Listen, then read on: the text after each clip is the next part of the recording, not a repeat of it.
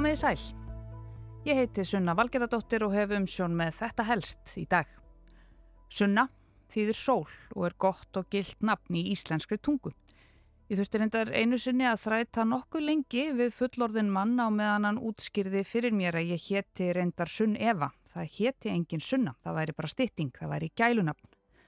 Það var reyndar ekki rétt hjá honum, þarna var það hann sem var eitthvað að miskilja en það kemur nú fyrir okkur öll. En hinn sívinnsæla umræða um nöfnin okkar Íslandinga og hvað við meigum yfir höfuð heita komst aftur í fyrirsagnir fjölmiðla í vikunni. Mannanafna nefnd finnst ekki við hæfi að foreldrar fái að nefna dóttur sína kísu. Það gæti orðið henni til ama í framtíðinni því þetta er gæluheiti yfir dýr. En krummatnir, þeir mega allir bera nöfnin sín stoltir. Nöfnin okkar rötuði í frettinnar í vikunni af misjöfnum ástæðum þó. Í gær var greint frá þeim risa stóru tímamótum að í fyrsta sinn í sögunni var Guðrúnum þessa lands steift af stóli af önnum. Það er að segja, Anna er orðið algengasta kvennmannsnafnið á Íslandi en Guðrún var á toppnum. Anna er líð, Anna er líð. Í þriðja sæti er Kristín, Sigriður í fjórða. Sigga litla sýstir mín situr út í götu er að mjölka ána sín í ofur litla fötu. Svo Margret, Helga, Sigrún, Yngibjörg, Marja og Jóhanna er í því tíunda. Flestir menn á Íslandi heita Jón. Nonni, nonni, nonni. Svo koma Sigurðarnir. Sigurður og svo Guðmundarnir. Hann vendur á eirinni var gaman skútu karl og gulan Gunnar er fjörða algengasta nafnið, svo Ólafur, Kristján, Einar. Hann er kinn, hann er Einar, hann er... Ég heiti Einar og ég er kinn. Ég get að tala við ykkur um... En hingaði komin viðfræðingurinn Einar Magnús. Hversu slemt verður þetta? Já, Einar, það er búist beinilins bara við brjálu veðra á morgun. Takk fyrir þetta, Einar. En Einar, íþróttinnar, hvað er helst? Jú, Einar. Mislegt í íþróttunum. Eitt og annað, já. Takk fyrir þetta, Einar. Hann er Einar. Magnús. En hingaði komin viðfræðingurinn Einar Magnús. Stefan og Jóhann í því tíunda.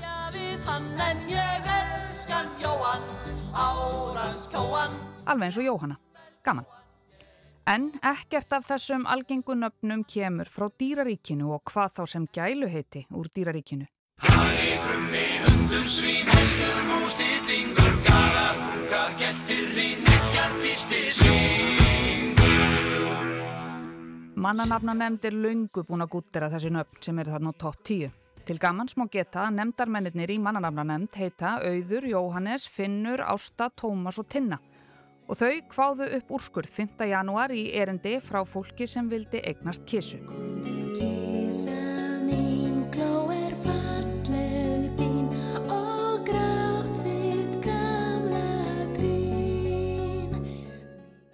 Og úrskurðurinn hljóðar svo. Nafnið kísa er leitt af samnafninu kísa sem er gæluheiti vel þekktrar dýrategundar. Þótt dýraheiti séu til sem mannanöfn svo sem björn, úlfur, arna og lóa eru gæluheiti hústýra almennt ekki nótu sem mannanöfn.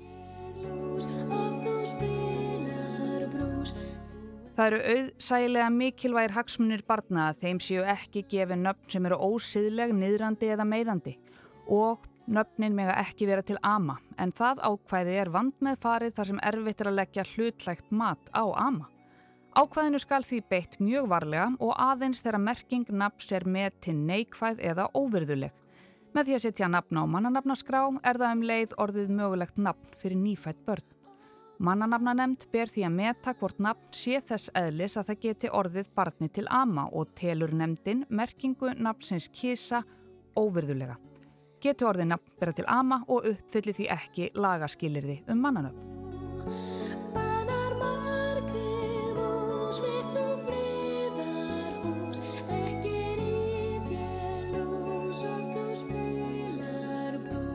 Í fyrra var fjallan svipa mál í þetta helst um hann Ingólf Örn Þorsteinsson sem má ekki heita Lúsifer út af ama ákvæðinu. Lúsifer er nefnilega annan nafn yfir djöfulin, yfir kölska, hinn illa og þetta er samkvæmt mál vitund almennings, segir nefndin. Ingólfur er búin að berjast fyrir þessari nafnabreitingu í gegnum allar leiðir sem hægt er að fara í kerfinu. Hann er búin að fara til dómstóla, hann er búin að fara til umbóðsmanns alþingis og manna nafna nefnd dómsmálaráðanittisins og hann má ekki heita Lúsífer. Þeir sem hafa farið fyrir mannanafnefnd í gegnum árin hafa yfirlega notað þetta nafn sem dæmi um það af hverju mannanafnefnd er nöðsynleg. Svo, svo að fólk sé ekki að skýra börnin sín eitthvað eins og gríla eða Lúsífer Þannig ég ákvaða að prófa sækjum með ennskri stafsningur endar fyrst en, en uh, fannst nú bara ágættis fröka þetta væri ekki íslensk stafsetning og ekki íslenski stafir. Þannig ég breytti því íslenskra stafsetningu og, og, og fannst ég færa uh, ágættis frök fyrir því að ég ætti að fá að taka upp þetta nafn. Uh, þá hófst í rauninni þessi dans að, að fara réttur leiðin að tala við umbóðsmann alþingis og, og svona áður en, áður en ég fór talaði við lögfræðing og og, og fekk lögmann til að uh, kæra óskurðin.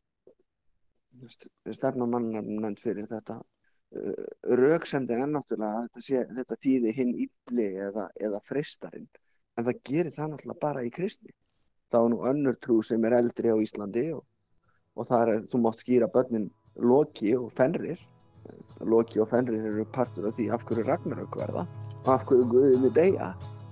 Orðið Lucifer er komið úr latínu og þýðir bókstaflega ljósberi, sá sem kemur með ljósið. Í rómveskri goðafræði var Lucifer personugerfingur morgunstjörnunar Venusar, karlmaður með kindil á lofti. Lucifer var sonur áróru, dagreiningarinnar sem var sýstur sólar og mána og móðir vinda. Á miðöldum tóku kristin menn að líta svo á að Lucifer var í fallin engil sem rekin hafi verið úr himnaríki sökum dramsemi sinnar og hent niður til heljar. Lúsifer var aðsti erki engill himnaríkis og nánastur Guði en hann þyrsti í meiri völd eins og gengur og ásamt öðrum englum gerðan uppreist gegn Guði. Fylgismenn Lúsifers og Guðs háðu himnest stríð og að lokum tókstinum síðarnemdu að rekja Lúsifer og alla þá engla sem fylgdu honum burt úr himnaríki. Sá sem var kallaður Lúsifer á himnum var nú Satan eða Kölski og ríkti yfir helviti og englarnir sem með honum fóru urðu djöflar. Þannig er einn saga Lucifers og þetta er fengið að vísinda við Háskóla Íslands. Að þessu sögðu, þá hefur mannanafna nefnd ekki verið mikið í sviðsljósinu undan farin ár, að minnst okkosti ekki eins mikið og hún hefur oft verið. Nemndin starfar undir dómsmólaráðunetinu og hefur meðal annars það hlutverk að semja skrá um nöfn sem fólk má heita eða nefna börnin sín. Og það má nefnileg ekki heita hvað sem er á Íslandi þó mér sínist nöfnin hafa orðið heldur frjálslegri nú í setnitíð. Mannanafna nefnd hefur einnig það hlutverkar skera úr um ágreiningsmál sem koma upp varandi nöfn. Hér eru nefnilega í gildi lög um mannanöfn frá árinu 1996 og þar segir meðal annars að það er skilt að gefa barni nafn innan 6 mánada frá fæðingu þess. Séða ekki gert er hægt að leggja 1000 krónar dagsektir á forsjármenn þanga til barni hefur fengið nafn. En samkvæmt þessum lögum er fullt nafn einstaklings, eigin nafn eða nöfn millinafn og kenninafn. Eiginnafn og millinafn þau geta ekki verið fleiri en þrjú samtals og eftirfarandi reglur gilda um eiginnöfn. Nafnið þarf að geta tekið íslenskri eignarfallsendingu eða hafa unni sér hefði í íslensku máli. Það má ekki brjóta í báa við íslenskt málkerfi og það má ekki vera nafn bera til ama. Nafnið skal ritað í samræmi við íslenska ritvenjur nema hefð sé fyrir öðrum ritætti þess. Stúlku má aðeins gefa hvern mannsnafn. Karen, Karen Þér heiði ég frí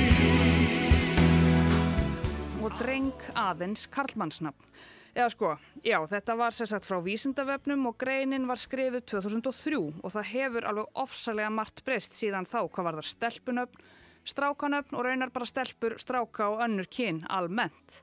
Mannanafna nefnd er alltaf að úrskurða, alveg bara oft í mánuðustundum. Úrskurðurnir eru svo byrtir jafn óðum á síðu nefndarinnar og samkvæmt mjög óvísindalegri rannsóknminni þar sínist mér að lang flest nöfn sem fólk byður um eru samþygt. Dæmum nýlega samþygt eigin nöfn Karla eða Drengja eru Eldhamar, Pírati, Baggi, Bond, Blár, Síón með setu, Svalur, Níel Jóníus, Bæssam, Úrsúlei, Eljagrímur, Drómi, Sólmáni og Svarthöfði.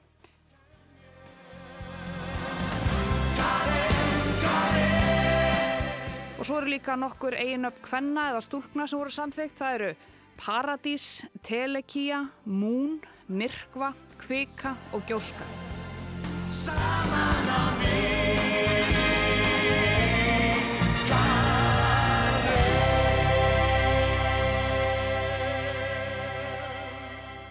En eins og áður segir þá er það líka hlutverk mannanafnanemndar að hafna tillögum og beðnum fólksum nöfn sem þykja ekki við hæfi eða fylgja ekki lögum um mannanöfn réttar að sagt.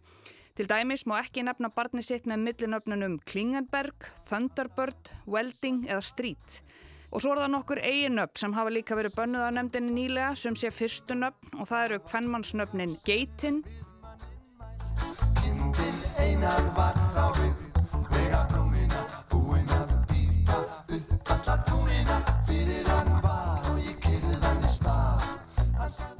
Frostsólarún, Ólasteina og Hel og karlmannsnöfnin Ísjak, Lagstall, Senjór og svo Lúsifer. Og, og þeir gefa þeir rauk að orðasíða bók sé gerð út frá málvitund almennings sem, sem náttúrulega meikar ekki sens þar sem, þar sem að, að bókin er gefin út og svo líður hellingstími þá að nota því þessu máli. Þannig að það myndi þá ekki gefa nema bara málvitund almennings þegar bókin er gefin út eða áður hún er gefin út og málvitund almennings breytist og ef að málvitund almennings væri svo að þetta væri hræðilegt nafn þá væri ég ekki að sækja um það. Þetta var brot úr viðtalinu mínu við Ingolf sem má ekki heita Lucifer síðan í fyrra. En já, málvitund almennings hún breytist sannarlega en nefndin hún segir endar ekki margt um málvitundina varðandi kísu, hún segir bara að nafnið kísa sé óvirðulegt.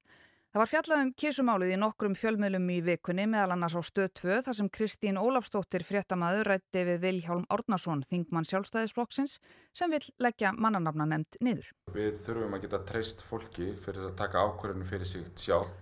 Viljálmur er ekkit eini þingmaðurinn með þessu skoðun. Píratar hafa til dæmis lengi talað fyrir þessu og fleiri þingmenn úr öðrum flokkum. En fyrirsögnin á fréttinni hennar Kristínar er krummi í lægi en alls ekki kisa og þetta er einmitt áhugavert þar sem einn rögnemdarinnar voru þau að gælu heiti dýra séu ekki góð mannanöfn. Kristín bendir á að hrútur og tarfur séu til dæmis góð og gild karlmannsnöfn enda mjög karlmannleg og sterk. Hagi, krummi, hundur, svín, hestur, mús, stillingur, galar, kúkar, geltir, hrín, nekkjartisti, svingur. Hún tekur svo til nokkur nöfn úr dýraríkinu sem þykja sjálfsögð eins og fugglanöfnin, haukur, valur, lóa og örn Konur heita ekki eftir fiskum en karlar meg að heita hængur. En mér þykir ólíklegt að nöfna borfið kýr og gilda hlitu augum mannafnemndar þættu eflaust til ama og óvirðuleg. Þess maður geta að Kristín er að klappa kísu þarna, dýrinu, ekki barninu og það má nálgast þessa frúðlegu sjómarsvettennar í heilsinni á vísi. En mannanafna nefnd byrjaði ekki nýtt ára á einn tómri neikvæðni heldur samþygt hún líka helling af nöfnum. Til dæmis Xavier eins og Professor X í X-Men. Professor Charles Xavier. Æja eins og Jæja nema bara ekki með jóði í byrjun.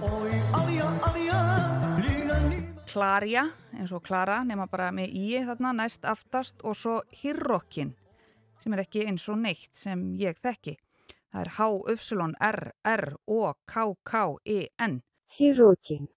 Hirrokin. Og í úrskurðunum um það löglega kvennmannsnafn segir Eginafnið Hirrokin kemur fyrir í fornumáli sem gýjarheiti og getur því hafa talist unnið sér menningarhelgi samkvæmt vinnulagsreglu mannanafnanemdar sem hún setti sér á fundi 22. mars í fyrra. Umsækjandi vil hafa eignarfallsmynd napsins Hirrokins en það samræmist ekki kvennkynni napsins og verður því aðeins fallist á það ef það fylgir beigingarminstri kvennkins orða og hafi eignarfallið hýrrokinar. Hýrrokin. Akkurat. Hýrrokin. En nefndin hún tók fyrir 16 beðinir allar samþyktar nema kisa. Til dæmis má núna heita bæði solbráð og múr eins og kom fram í annari frétt vísis um kisumálið.